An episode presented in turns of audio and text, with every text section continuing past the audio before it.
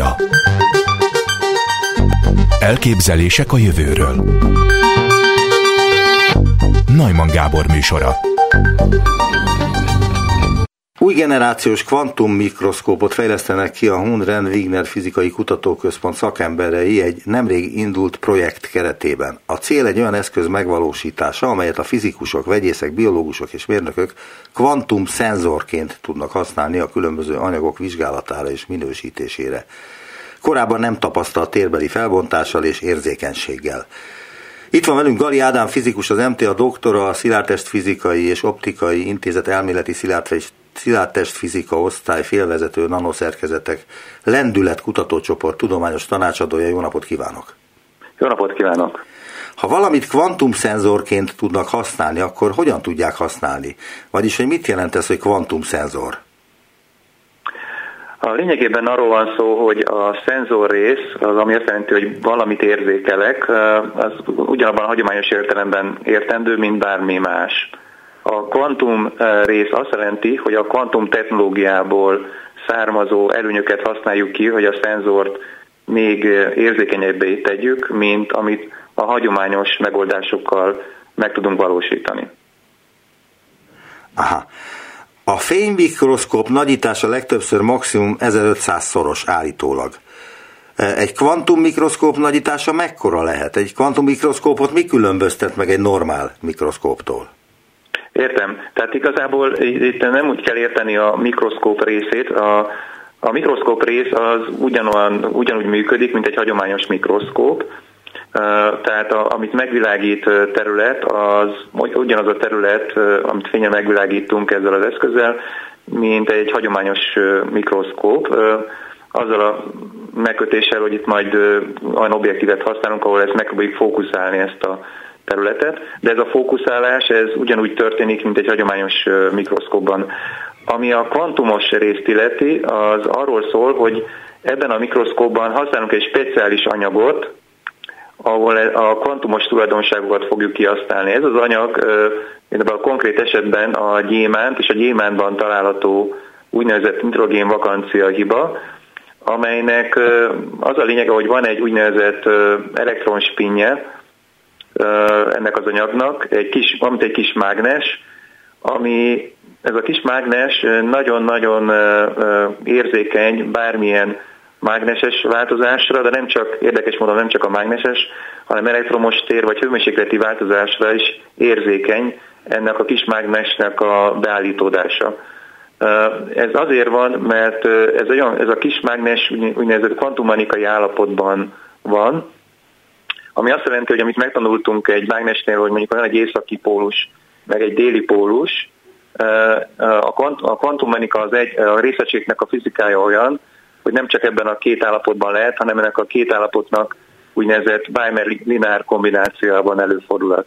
Ezt nevezzük kvantumbiteknek. Tehát ezek nem bitként viselkednek, hogy van egy északi pólusom, vagy egy déli pólusom, és az egyiket elnevezhetem mondjuk nullának, a másikat egynek, hanem olyan állapotom is lehet a kvantumenika törvényes szerint, amit az elektronokra jellemzőek, a mikroszkopikus világra, az a kvantumenika törvényei, hogy ezeknek ilyen úgynevezett lineár kombinációja egy ilyen kevert állapota is lehetséges, és emiatt ez az állapot, ez nagyon érzékeny ez az állapot a külső körülményeknek a megváltozására.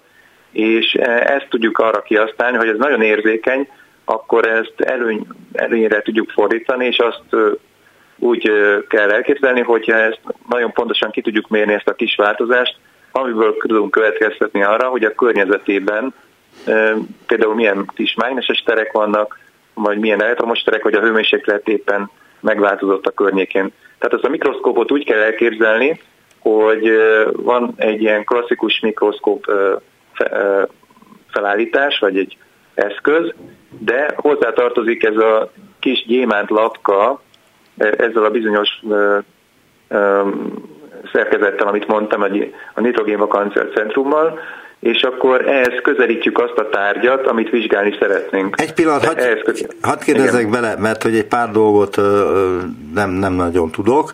A vakancia az a kristályszerkezeti hiba, vagy mit jelent? Igen, ahol? pontosan, de a, a, kicsikét pontosítom, hogy ezt hogyan kell elképzelni. Ez a konkrét, ez a mint egy hiba, ezt jól mondja, ez, ezt azért nézzük ponthibának, mert atomi kiterjedésű, nagyon pici hiba, a vakancia azt jelenti, hogy a, a gyémántban a szén, egy szénatomot eltávolítok a helyéről, ezt nevezzük vakanciának, egy üres helynek, és emellé még beépül a szén helyére egy nitrogén atom, és ebből lesz a nitrogén vakancia centrum. Emellett még egy, amikor, nincs, amikor nem épül be a vakancia a nitrogén mellé, az, a, amikor a nitrogén önmagában helyettesíti az egyik szénatomot, az pedig egy elektront ad át ennek a nitrogén vakancia centrumnak, és ez egy úgynevezett negatívan, emiatt ez egy negatívan töltött lesz, ez a hiba, ez a nitrogén vakancia hiba, és ennek a negatívan töltött nitrogén vakancia hibának vannak olyan kvantumállapotai ennek az elektronnak, elektronjainak, amiről beszéltem, annak az úgynevezett elektron spinnek vannak olyan olyan kvantummechanikai állapotai, amit érzékelésre használunk. A, ahogy mondtam, ezek a kvantummechanikai állapotok nagyon érzékenyek, és ennek ezt az érzékenységet használjuk ki arra, hogy szenzorként használjuk ezeket. Igen, de a kvantum állapotok azok, azok előre megjósolhatatlan helyzeteket szoktak teremteni, és akkor hogyan lehet ezt mégis megfigyelni. Igen, ez egy, ez érdekes, tehát a kvantum technológia, erre szoktuk mondani, hogy ez a, a kvantummechanikának egy, egy második forradalma. Az első forradalomban, ami nagyjából száz évvel ezelőtt kezdődött, az arról szólt, hogy megértettük azt, hogy a mikroszkopikus világban hogyan viselkednek ezek a részecskék, milyen kölcsönhatások vannak.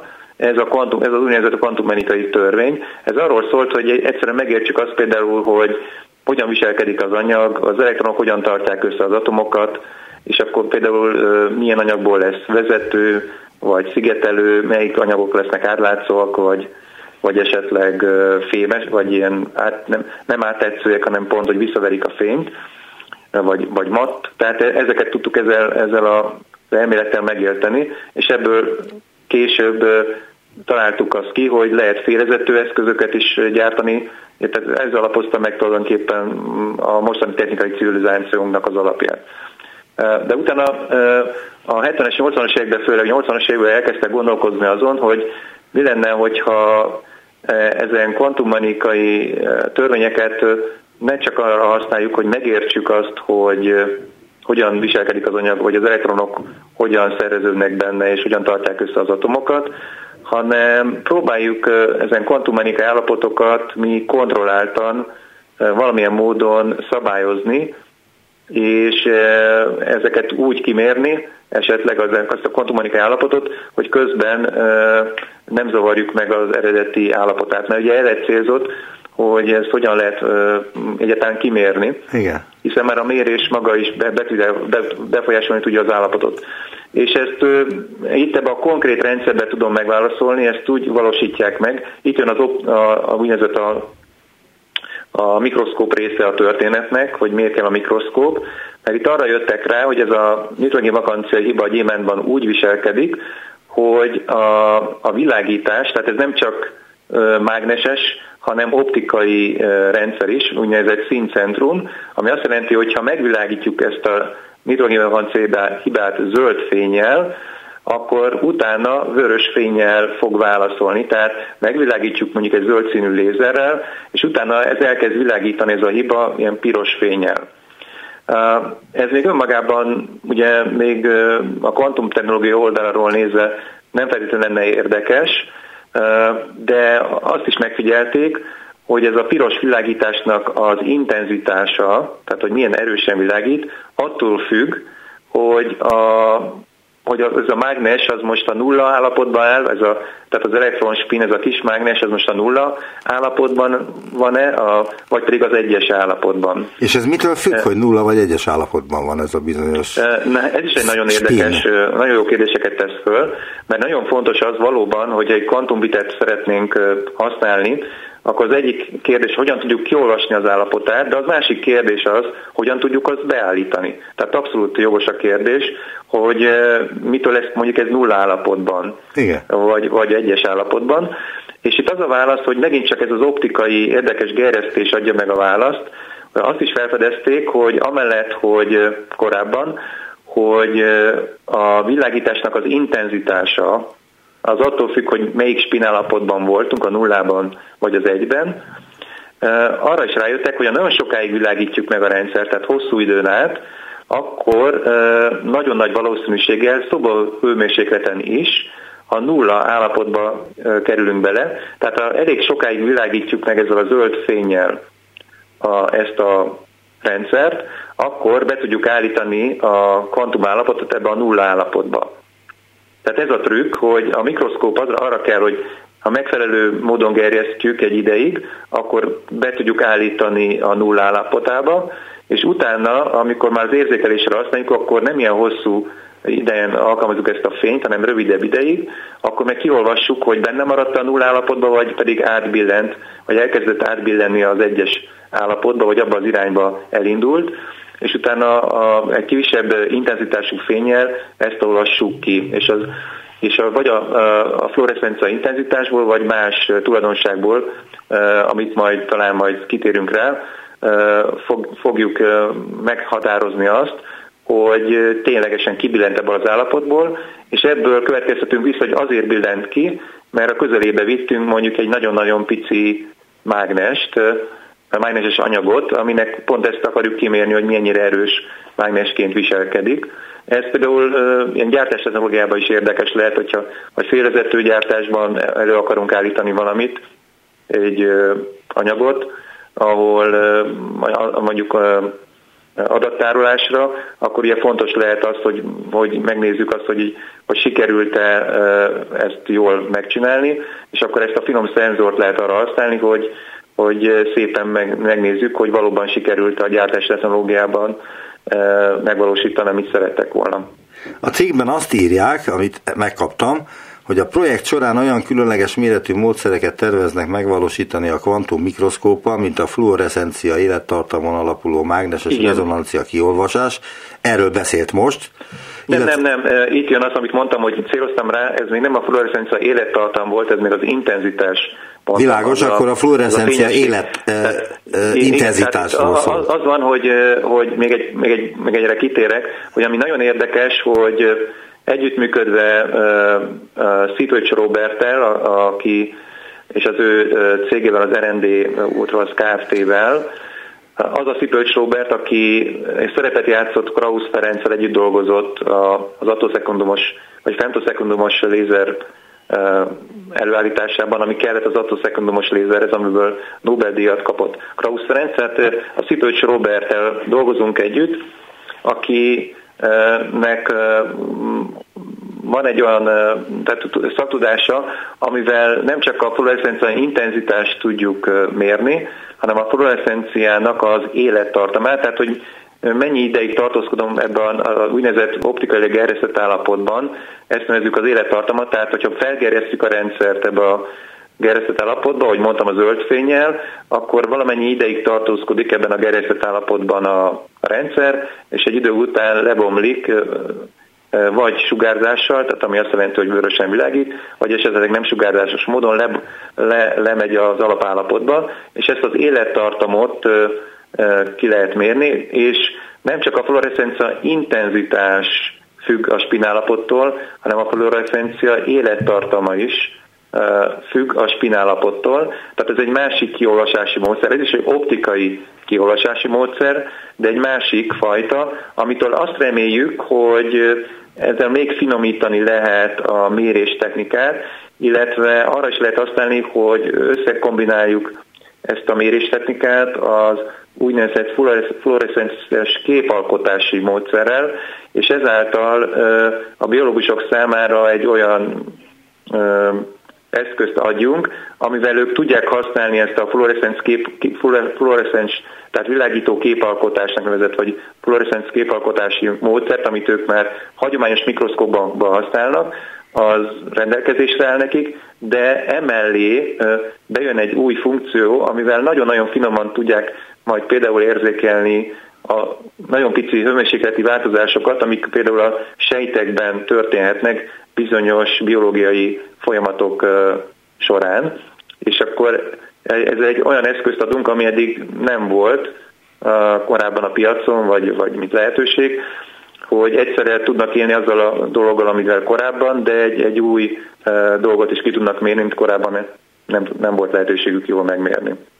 Tehát ez az orvosi diagnosztikában jelentős szerepet kaphat ez a technika, amit kidolgoztak? Mi azt reméljük, hogy igen. Tehát ha nem is orvosi először, azt mondanám, hogy biológiai rendszerben, de valóban ezeket már direktben használják sokszor, amikor a optikai fényt tudjuk használni, például bőr, például a bőrvizsgálatokban már direktben tudják ezeket a, a diagnosztikai módszereket használni, nem csak laborokban. Uh-huh.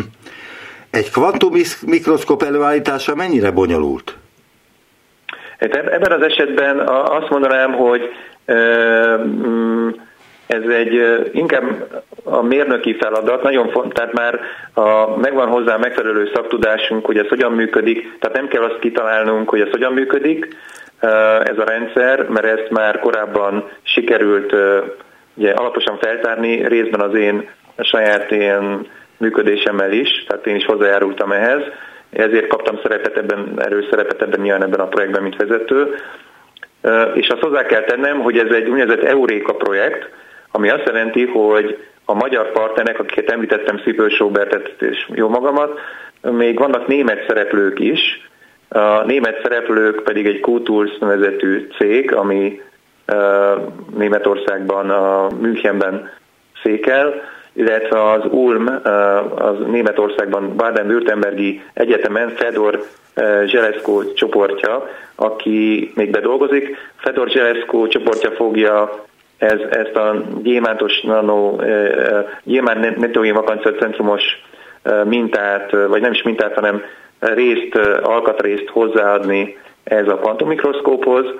Mi, mi magyarok fejlesztjük együtt ezt a fluorescence a fluorescenciának az élettartamán alapuló méréstechnikát, tehát az a mi hozzáadott értékünk lesz szakmailag, és azt reméljük, hogy ezt önmagában is érdekes lesz majd piacra vinni, illetve a Q-Tools cég, ami, ami kvantum, a Q-Tools, ugye az kicsit magyarra fordítva az olyasmi szójáték, hogy kvantumos játékok, vagy kvantumos eszközök, ez a cég nevében is benne van, ilyeneket fejleszt, és ő fantáziátot látott abban, hogy hogy ezt megpróbáljuk egy olyan piaci terméké tenni, ahol az ősz nagyon sok mérnöki órájukat beleadva egy konkrét, ilyen bonyolultabb eszközt is létre tudunk hozni. Én azt remélem, hogy ezzel a német cég együttműködéssel ez nem csak ez a termék fog létrejönni, hanem, hanem amit mondtam, a magyar szellemi termék ön, önálló lábon megélve is majd egy saját eszközt fog ebből alkotni. De hol kapcsolódik az önök kutatása a Krausz-féle Nobel-díjas kísérlethez, vagy kutatáshoz, az atoszekundumos kutatáshoz? Nem, ez ahhoz nem kapcsolódik így direktbe. De várjuk csak, hogy a, csak Kra... a a nevét keresztül említettem meg, hogy ismerős lett az ő neve, ugyanis őt külön is megemlítette a Nobel-díjas előadásában, mint egy fontos szereplő, aki részt vett ennek a eszköznek a fejlesztésében. Igen, de hogy ő is azt mondta, hogy hogy itt azért fontos ez az atoszekundumos kutatás, mert hogy olyan biológiai folyamatokra lehet lehet felfedezni olyan biológiai folyamatokat, amikről eddig fogalmunk sem volt, és lehet, hogy a legkülönbözőbb betegségeknek a nyomai már ebben az atoszekundumban is jelentkeznek a legkisebb. Értem. Én nem akarom összekeverni, nem, ennek nem vagyok teljesen szakértő, ezért nem akarok erről feltétlenül nyilatkozni. Annyit azért hozzátett szeretnék tenni, hogy az a konkrét eszköz, amit most fejlesztenek a Krausz szerint, tudomásom szerint nem az atoszekundumos púzus használja, hanem az a femtoszekundum tartományban működik. De Ami egy nagyságrendel kisebb, ugye? Igen, igen, tehát úgy értem, hogy az nem, az nem igényel annyira nehéz technikát, hogy ezt előállítsák, ezeket a pulzusokat. Viszont ugye nyilvánvalóan ezek a pulzusok kellettek ahhoz egyébként, hogy magát az attoszekundumos pulzusokat állítsák elő, tehát az a tudás, amit ott felhalmozódott, próbálják hasznosítani. Egy van irányban, ami van ilyen közös metszet a kettő között, az az, hogy az a technikával, aminek Krausz szerint szeretné vizsgálni a vérmintákat, ott is el tudják azt érni, hogy nagyon, nagy ne egy ilyen háttéren mérjék a, a jelet, amit vesznek, hanem nagyon-nagyon pontosan tudják kimérni a jelet ezzel a technika segítségével. Egy kicsi ilyen közös metszet van, de az alapvetően egy másik technológia, vagy másik módszer, eltér attól, amit mi használunk. Milyen fejlődést jelenthet majd a kvantummikroszkóp és a mesterséges intelligencia összekapcsolása? Szerintem itt nem a kvantummikroszkópot és a mesterséges intelligenciát kötjük össze, tehát természetesen a mesterséges intelligenciát alatt azt, hogy gépi tanulást értünk például, akkor persze azt nem állítom, tehát a szoftveres fejlesztésben előfordulhat az, amikor mintázatok felismeréséről vagy optimalizálás működés optimalizásáról van szó, akkor általában a gépi tanulási módszerek majd beléphetnek, de hozzá kell tennem, hogy az Euregia projektben nem csak a mi projektünk nyert, hanem nyert egy másik projekt, amit Kálmán Orsa és Cimborás Zoltán vezet, ami a kvantum számítógépekhez, meg azoknak a működéséhez kapcsolódik, és ez egy másik különálló projekt, és ott ők használnak, ők fogják használni ezt a mesterséges intelligenciát, hogy javítsák a jelenleg elérhető kvantumszámítógépeknek a, a kihozatalát, vagy a, tehát amiben a, fel, a hater kihozatalát ugye azt értem, hogy a felhasználás javuljon a jelenlegi kvantumszámítógépekre, amik már elérhetőek számunkra. Végül azt kérdezném, hogy milyen területeken lehet majd hasznát venni a kvantummikroszkópnak, és most ezt a gazdasági életre értem. Én, én, én azt remélem, hogy... Azért kérdezem, mert ez egy alapkutatás, amit önök végeznek. Tehát ez nem, nem, egy... nem ez, ez az, amit most mi csinálunk. Határoz, ha, itt három éven belül mi egy terméket szeretnénk lerakni, tehát ez nem egy alapkutatás, itt már egy konkrét eszköz fogunk csinálni, vagy létrehozni, Aha. amit azt reméljük, hogy el tudjunk adni a piacon, tehát ez már nem, abszolút nem alapkutatás, ez teljesen, ez már piaci termékfejlesztés. Akkor milyen piaci beszélünk. termékfejlesztésről van szó ebben az esetben? Igen, igen. Ennek két ága van.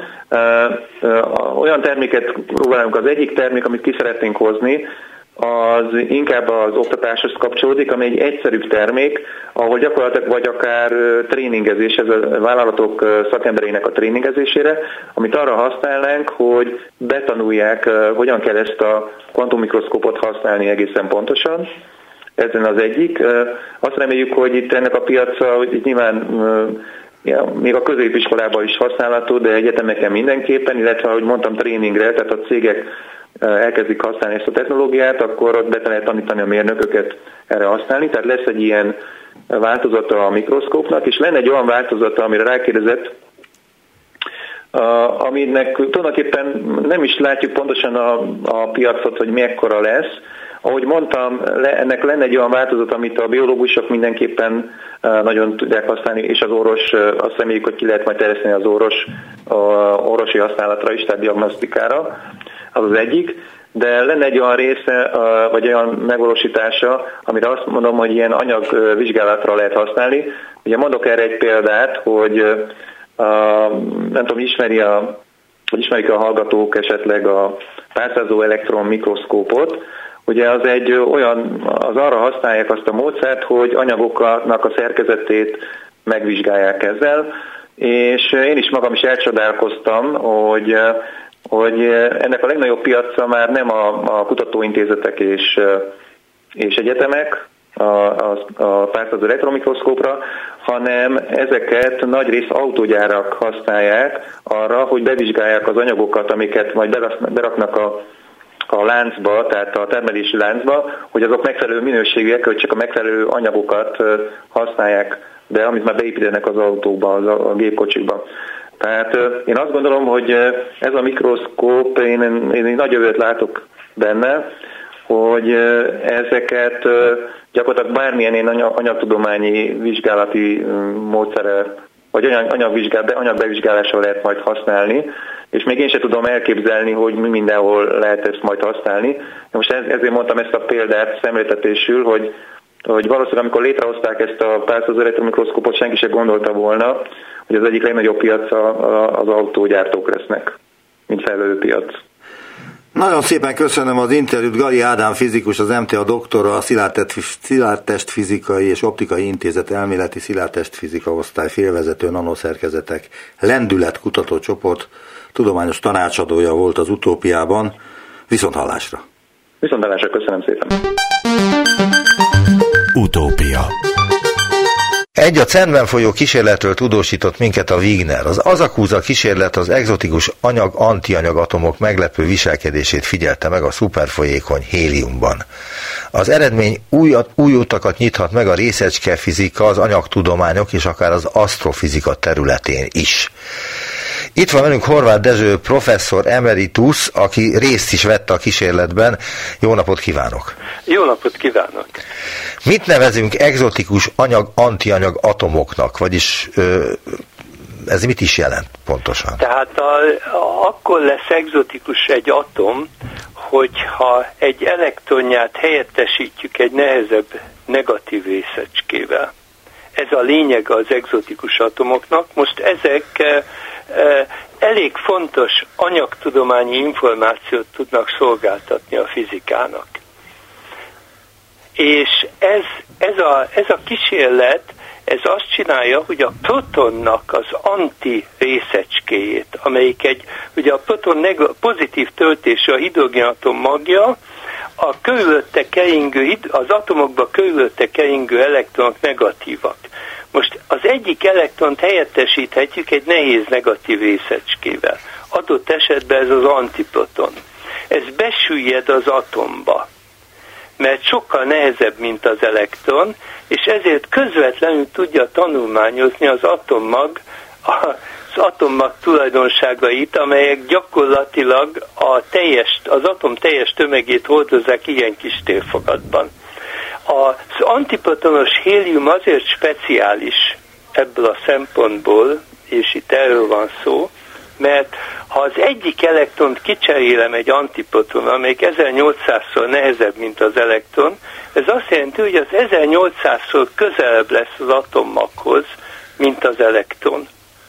És a, ugyanakkor kint az elektron megvédi a bent keringő antiprotont, amelyik a, a hélium atomnak a magja kering. Na most ez egy speciális szituáció, és nagyon érdekes dolgokat lehet ezzel az atom, különleges atommal csinálni. Erre egy külön kísérlet folyik a cern abban veszünk mi is részt. Kicsit furcsán hangzik egy laikusnak, hogy tudósok úgy hívnak egy részecskét, hogy egzotikus részecske. Ez a hivatalos neve is ennek a részecskének? Hát igen, azért nem a részecske egzotikus, hanem az atom egzotikus, mert az egyik elektronját kicserélem egy sokkal nehezebb negatív részecskére. És ezt hogy kell kicserélni? Kialakult ez a név. Igen, de ezt hogy cserélik ki? Hát úgy, hogy de, de, igen, ez, ez magától bekövetkezik, ugyanis hogyha negatív részecskét bocsátok be anyagba, akkor az ütközések folyamán lelassul, és egy idő múlva az utolsó elektronokat üt ki az atomokból. Az utolsó kiütött elektronnál helyére meg befogódik, amikor már elég kicsi az energiája. Hát de ez ugye a részek, részes egy gyorsítóban történik csak meg. Természetesen, mert csak ott tudunk ilyen nehéz, negatív részecskéket anyagba lőni. Tehát a CERN-ben van egy, ugye a CERN a világ egyik legnagyobb ilyen kutatóintézete, és nagyon sokféle részeske gyorsítóval rendelkezik, és ez a kísérlet az úgynevezett részecske lassítóban történik. Tehát van egy, van egy olyan kísérleti területe is a CERN-nek, amelyik azt csinálja, hogy a protonnak az antiészecskét előállítja, ezt csak nagyon nagy energián lehet előállítani, és utána lelassítja azért, hogy az antiprotont, tehát a hidrogénatom magjának az ellentétes részecskét tudjuk tanulmányozni. Ebben a, e, ebben a e, szerkezetben, mondom, amit antiproton lassítónak hívnak, vagy antianyag gyárnak is nevezik. Igen, azt akartam kérdezni egyébként, mert szerepel a cikkben ez, hogy antianyag gyár, hogy ez mit jelent? Hát ez azt jelenti, hogy antiprotonokat állít elő, és lassít le, és fogad be anyagba. És hogyan lassít? Mágnesekkel? Vagy? Igen.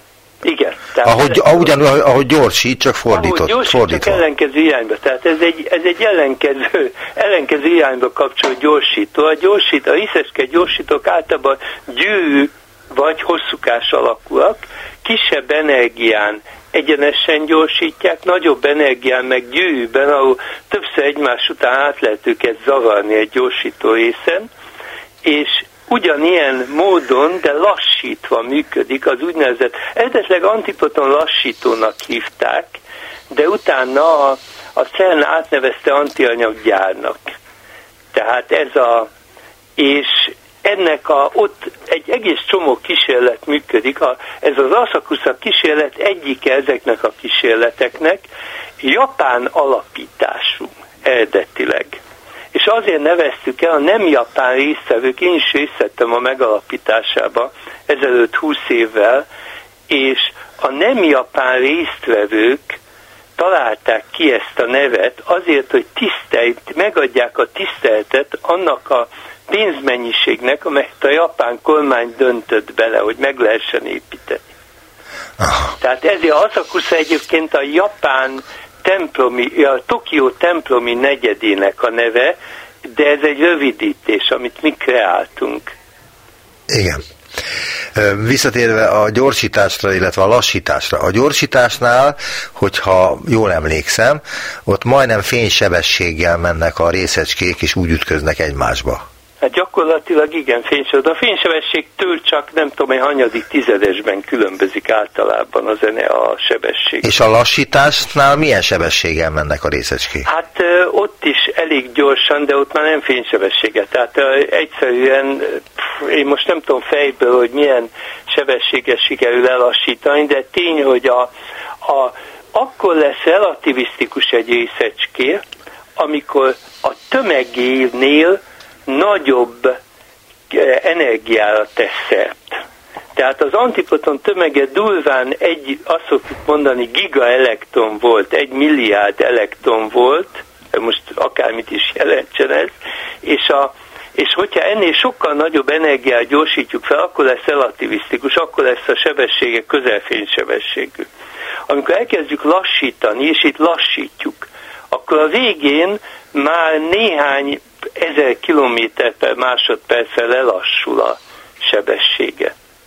Tehát akkor nem lesz ilyen totyogó, mint a lajhár, hanem azért hát, majdnem fénysebességgel megy. Most ahhoz, hogy viszont kísérleteket végezzünk rajta, ahhoz csapdáznunk kell. Na most ez egy bonyolult dolog. Tehát azt csináljuk, hogy ezek ilyen hosszúkás elektromágneses hengerek, amelynek a két végén olyan potenciál van, hogy vissza tudják lökni az antipotont a henger belsejébe. Az egyik oldalon kinyitom, bebocs, mondjuk egy méter hosszú, bebocsátok két méternyi antipoton sugarat, és lezárom a másik felén. A henger közepén nagyon kis energiájú elektronfelhő van, amelyel ütközve ezek az antiprotonok lelassulnak, és egyre inkább koncentrálódnak a henger közepére. És a végén belehullanak egy kis potenciál gödörbe, amelyet ott hozunk létre. És akkor be lehet egy újabb adag antiprotont küldeni. Ez az antiproton csapda. Most ilyen csapdában e, állítják elő a különböző egzotikus antiprotonokat tartalmazó atomokat, és ezt csináljuk mi is az Asakusa kísérletben. Igen. Én visszatérnék még a kérdés, a legelső kérdésemre, Igen. mégpedig annak az első mondatára, hogy az Asakusa kísérlet az egzotikus anyag antianyag atomok meglepő viselkedését figyelte meg szuper folyékony héliumban. Igen. Mi is az a szuperfolyékonyság? Tehát az a helyzet, a hélium, a hélium egy rendkívül speciális atom, a hélium atom, ugyanis rettetesen gömbölyű, azt szoktuk mondani, és amikor nagyon lehűtjük, akkor egy, egy egészen furcsa tulajdonsága tesz hogy megszűnik a folyadék ellenállása, a viszkozitása. Tehát ez ugye a hélium, a gáz, az négy, abszolút nulla fok fölött négy fokkal, tehát négy Kelvin fokon folyékonyá válik, és két Kelvin fok alatt meg szuperfolyékonyá. A folyékonyság csak azt jelenti, hogy folyik, tehát nem gáz, de a szuperfolyékony azt jelenti, hogy belső ellenállás nélkül fog folyni. Na most ez érdekelt bennünket, amikor ezt a kísérletet kitaláltuk, akkor Sótél Anna, aki pillanatnyilag Zürichben dolgozik, ő volt az a diákunk, aki ezzel elkezdett foglalkozni annak idején. A, és ő is az első szerzője ennek a cikknek. A helyzet az, hogy a szuperfolyékony hélium az egy nagyon érdekes anyag, hiszen nincsen, úgy, úgy folyik, hogy nincsen belső ellenállása. És csak hőmérséklet kérdése, tehát eléggé le kell hűteni a rendszert, hogy előállítsuk. Ezért elvileg érdekelt bennünket, hogy hogyan viselkedik az, az, az a bizonyos exotikus atom, amely tartalmaz egy hélium atommagot, egy elektront, és egy antiprotont, amelyik a másik elektronját helyettesíti, hogyan viselkedik ebben a speciális közegben, szuperfolyékony közegben. És kiderült, és ez az elképesztő ebben, a, ebben az eredményben, hogy úgy viselkedik, mi majdnem úgy, mintha izolált atom lenne. Tehát egy nagyon sűrű folyadékban úgy érzi magát ez az egzotikus atom, ezt egzotikus atomnak hívják, mint hogyha izolálva lenne a környezetétől. Ez egy teljesen elképesztő eredmény. Miért elképesztő eredmény? Hát azért, mert, te, mert egy sű közegben van, ahogy a következő a helyzet. A, egy pillanat, csak azért kérdeztem bele így, mert hogy önnek ez természetes, de nekem nem annyira, hogy az Persze, izolált világos. atom között és a nem izolált atom között mi a különbség? Hát az, hogy az, az izolált atom az nem ütközik más atomokkal a nem izolált meg ütközik. Tehát ezt, tehát ezt egy nagyon szép, egyébként ebben a cikkben egy nagyon szép ábrasózat mutatja, hogyha teljesen izoláljuk ezt a bizonyos exotikus héliumatomot, amiben tartalmaz egy antipotont, akkor ennek van egy bizonyos nagyon keskeny csúcsot mutat a, a spektruma. Egy bizonyos, kiválasztunk egy bizonyos átmenetet, atomi átmenetet, és megvizsgáljuk lézerrel, akkor egy nagyon éles csúcsot mutat. Most ahogy növeljük a hélium sűrűséget, amelybe beleültetjük ezt az, ezt az egzotikus atomot, akkor fokozatosan kiszélesedik ez a csúcs, mert egyre inkább ütközik a környező molekulákkal, atomokkal. És ez így megy egészen addig, amíg el nem ér egy nagyon alacsony hőmérsékletet, amikor megint elkezd keskenyedni. Egyszerűen csak azért, mert ahhoz, hogy egészen sűrű héliumot csináljuk, az teljesen le kell hűtenünk, alacsony hőmérsékleten, meg kevésbé mozognak az atomok. De utána következik egy ugrás, akkor, amikor átugrik a szuperfolyékony állapotba. És ez rettetesen furcsa. Tehát szuperfolyékony állapotban úgy viselkedik ez a bizonyos exotikus atom, exotikus héliumatom, mint hogyha izolálva lenne a környezetétől. Ez arra van, mint hogyha egy buborék közepében ülne. Elnézést, csak olvastam valamit a foly- szuperfolyékonyságról, felkészülendő erre a interjúra, Igen. amelyben van egy olyan passzus is, hogy mintha a szuperfolyékony héliumra nem hatna a gravitáció. Hát ez biztos nem igaz. Hát a gravitáció mindenre hat, még a fényre is. Mert hogy az a, azzal a példával illusztrálják, igaz, ez a Wikipédiában volt, és nem egy tudományos szaklapban, vagy egy tudományos ismertetésben, hogy ha egy pohárba öntünk ilyen szuperfolyékony héliumot, akkor a gravitáció ellenére kifolyik a pohárból. Ez nagy hát butaság, amit mondtam? A gravitáció biztosan hat rá, az olyan nincs, a gravitáció igazából az, az mindenre hat, aminek van energiája. Tehát még a fényt is elhajlítja. Tehát a gravitációtól nem lehet megszabadulni. Most a szuperfolyékonyság az elképzelhető, hogy kifolyik a pohárból, de az azért van, mert szuperfolyékony, és az a kevés, és hiába hűtöm le, azért egy kicsit mozog, és nincs, ami a mozgásában akadályozza. Tehát lehet, hogy ez a bizonyos mozgási energia, ez nagyobb lesz az egyes atomokra, mint a gravitáció, amelyik lefelé húzza. Aha, tehát, hogy a gravitációra, én is úgy tudtam, hogy mindenre hat a, a gravitáció, azt nem lehet kivédeni. Így van.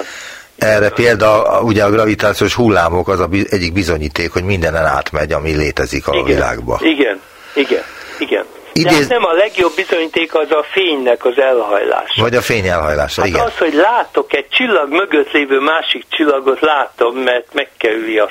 Mert a, a nagy csillag a mögötte lévő, nagyon messze lévő kis csillagnak a fényét meghajlítja maga körül, és belefókuszálja az én lencsémbe. Idéznék valamit a cikkből, amire kérdeznék majd utólag. Igen, tessék. A magasabb hőmérséklet és nagyobb gázsűrűség általában kiszélesíti az átmeneteket és elrontja a mérés pontosságát. Ezért volt meglepő az Asakusa kutatóinak, amikor folyékony héliumban a közönséges gázénál sokkal nagyobb sűrűségnél a spektrumvonalak keskenyedését észlelték. Erre utalt az előbb. Igen. Sőt, amikor a folyékony hélium hőmérsékletét sikerült annyira lecsökkenteni, hogy a hélium szuperfolyékonyá vált, a spektrumvonalak további hirtelen csökkenését mérték. Ez azt is jelenti, hogy a kutatók pont az ellenkező eredményt várták? Igen. Igen, tehát nem váltunk. Amikor ugrásszerűen változik valamilyen tulajdonság, ez másik fizikai fázist jelent. Hát például, amikor vízből jég lesz, az egy ugrásszerű változás, a vízből gőz. Igen. Ezek fázis átmenetek. Amikor csak simán a hőmérséklet változik, akkor szépen egyenletesen változik minden.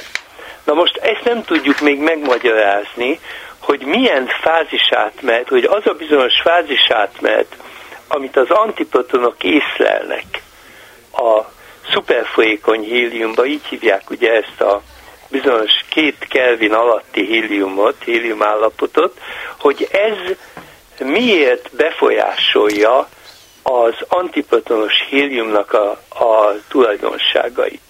Tehát ezt még nem lehet. Tehát mi változik meg, éppen ez a nagyon érdekes benne, hogy mi változik meg akkor, amikor normál folyékony héliumból szuperfolyékony héliumot csinálok, egy nagyon pici hőmérséklet különbség, valami átbillen benne, amitől hirtelen elkeskenyednek ezek a bizonyos spektrumvonalak. Tehát olyan, mintha a mozgékonysága változna meg annak az atomnak. Aha. Nem tudom, ez mennyire érthető.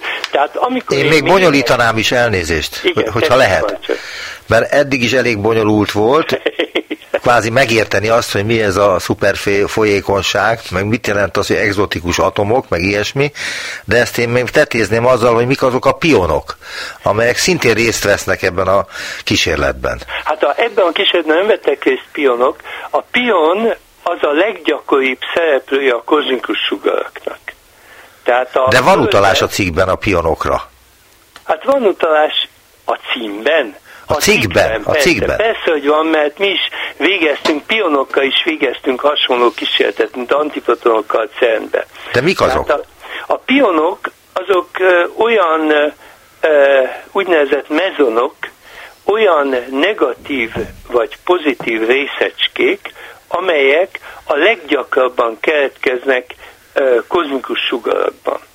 Tehát a kozmikus, a nagy energiái kozmikus sugarak, amikor beleütköznek a levegőbe, a Földet körül könnye, övező levegőétekbe, akkor mindenféle részecskét keltenek, de ezek a legnagyobb és pionok lesznek, mert a pionok a legkisebb tömegű mezonok. Mezon az egy fajta részecske. Tehát ezek a pionok elárasztják a Földet gyakorlatilag. A kozmikus sugarak túlnyomó és pionokból állnak. Tehát ezért ez, ez, egy, ez egy érdekes részecske, mert nagyon, gy- nagyon gyakori a kozmikus sugarakban. Ez egészen lejut a f- f- f- van, föld felszínére is? Így van. Tehát például, amikor ezekbe a nagy energiás gyorsítókba e, mérünk, akkor azért visszük a föld alá, hogy megakadályozzuk a pionok bejutását. És sikerül? Persze, hát a 100 méter, a, a nagy hadőnköztetőnek a gyűrűje 100 méterrel a föld alatt van. Na az már azért, azért a legnagyobb rész, csak a legnagyobb energiájú pionok jutnak keresztül rajta, kozmikus sugarak, de például, de persze új nagy energiával is jönnek, tehát például a, a világ legnagyobb ilyen ilyen észlelő rendszere, az az Antarktisz jegébe van sűjesztve három kilométer mélyen. És az, az is még észlel iszonyatos nagy energiájú részecskéket, amelyek jönnek be a kozmoszból, és megütik a levegőt, és ott ilyen ő nagy energiájú pionokat keltenek. Na most a pion azért érdekes, mert ő a legkönnyebb a részecske fajtájából, amit úgy hívunk, hogy mezon. Ezért viszonylag sokáig él, az összes többi erre bomlik, amelyik fölötte van tömegben.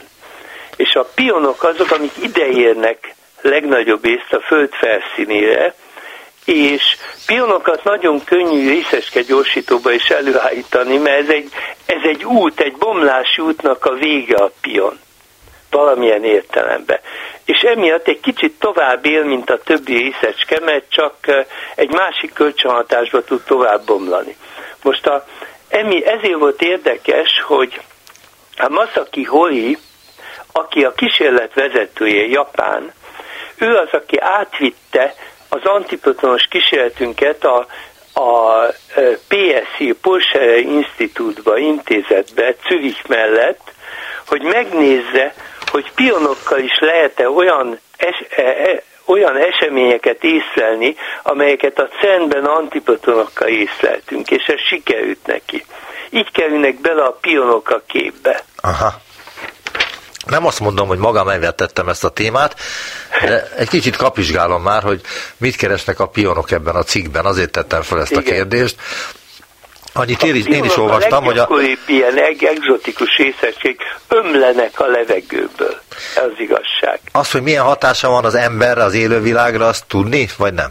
Hát a, természetesen minket állandóan bombáznak ezek a kozmikus sugarak, a és hát amilyen hatásuk volt, igen, olyan hatásuk van most is.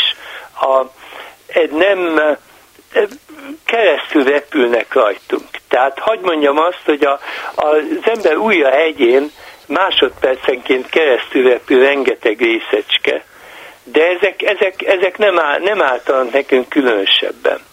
Tehát kicsi a valószínűsége annak, hogy, hogy valamit csináljanak a szervezetünkben. De viszont ezek a kísérletek borzasztó érzékenyek, és ezért kell őket általában a föld alá vinni. Igen. Tudom, hogy nem a tudósok feladata, hogy a hasznosítással foglalkozzanak, de ennek a kutatásnak a tudományban milyen további következményei lehetnek? Hát a, a helyzet az, hogy ennek mindig másodlagosak a következményei. Hadd mondjak egy konkrét példát. Igen. A, a gyógyászatban van egy eljárás, amit, ami egyszerűen csak tiszta részecske fizika. Jézus, nem jut eszembe a neve. Ha most egy rövid szállat következett be nálam, mert nem jut eszembe a neve ennek az eljárásnak, amelyik, amit egy kis gyorsítót visznek be a gyógyászatba, és ezt a, ezzel a gyorsítóval e, e, Hát nem a CT, nem az MR, mert azt, azt a, tudjuk. Nem az MR, nem az, ez a, hú, de ez, ez CT, ez komputer tomográfia. Ez a komputer tomográfia? Ez a komputer tomográfia, de ennek van egy speciális e, esete, amivel az emberi agyat vizsgálják, amikor e, ilyen e, egzotikus részecskéket kibocsátó izotópot juttatnak be, és azt nézik, hogy ez hogyan hat kölcsön, hol, hol, hol annihilál, hol, hol, hol e, e, fogódik be, és földgyülemlik, ez anyag földgyülemlik a rákos sejtekben. A rákos sejteknek sokkal nagyobb a, a, a metabolizmusa sokkal gyorsabb, nagyságrendekkel gyorsabb, mint a normál sejteknek.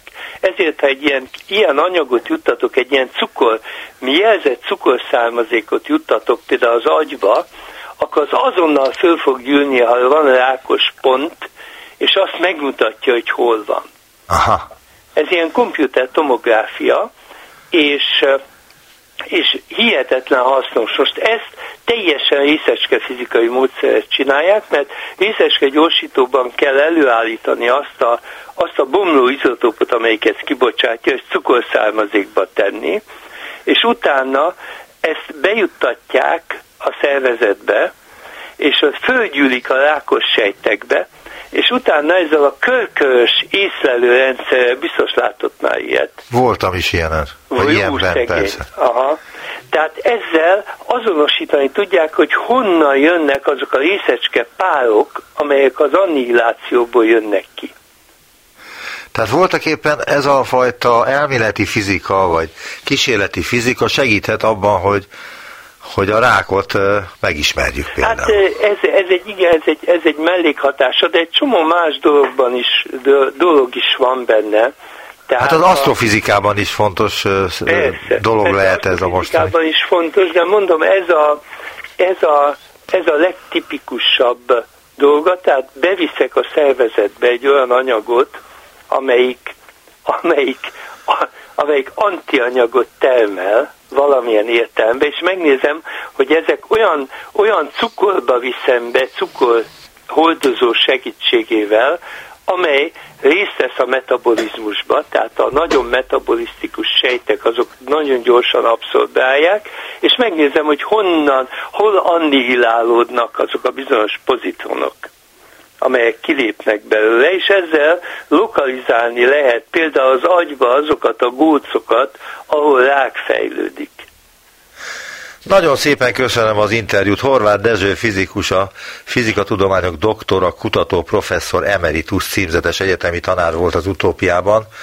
Viszont halásra köszönöm Viszont még egyszer a beszélgetést. Visszaértünk a jelenbe. Neumann Gábor utópia című műsorát hallották.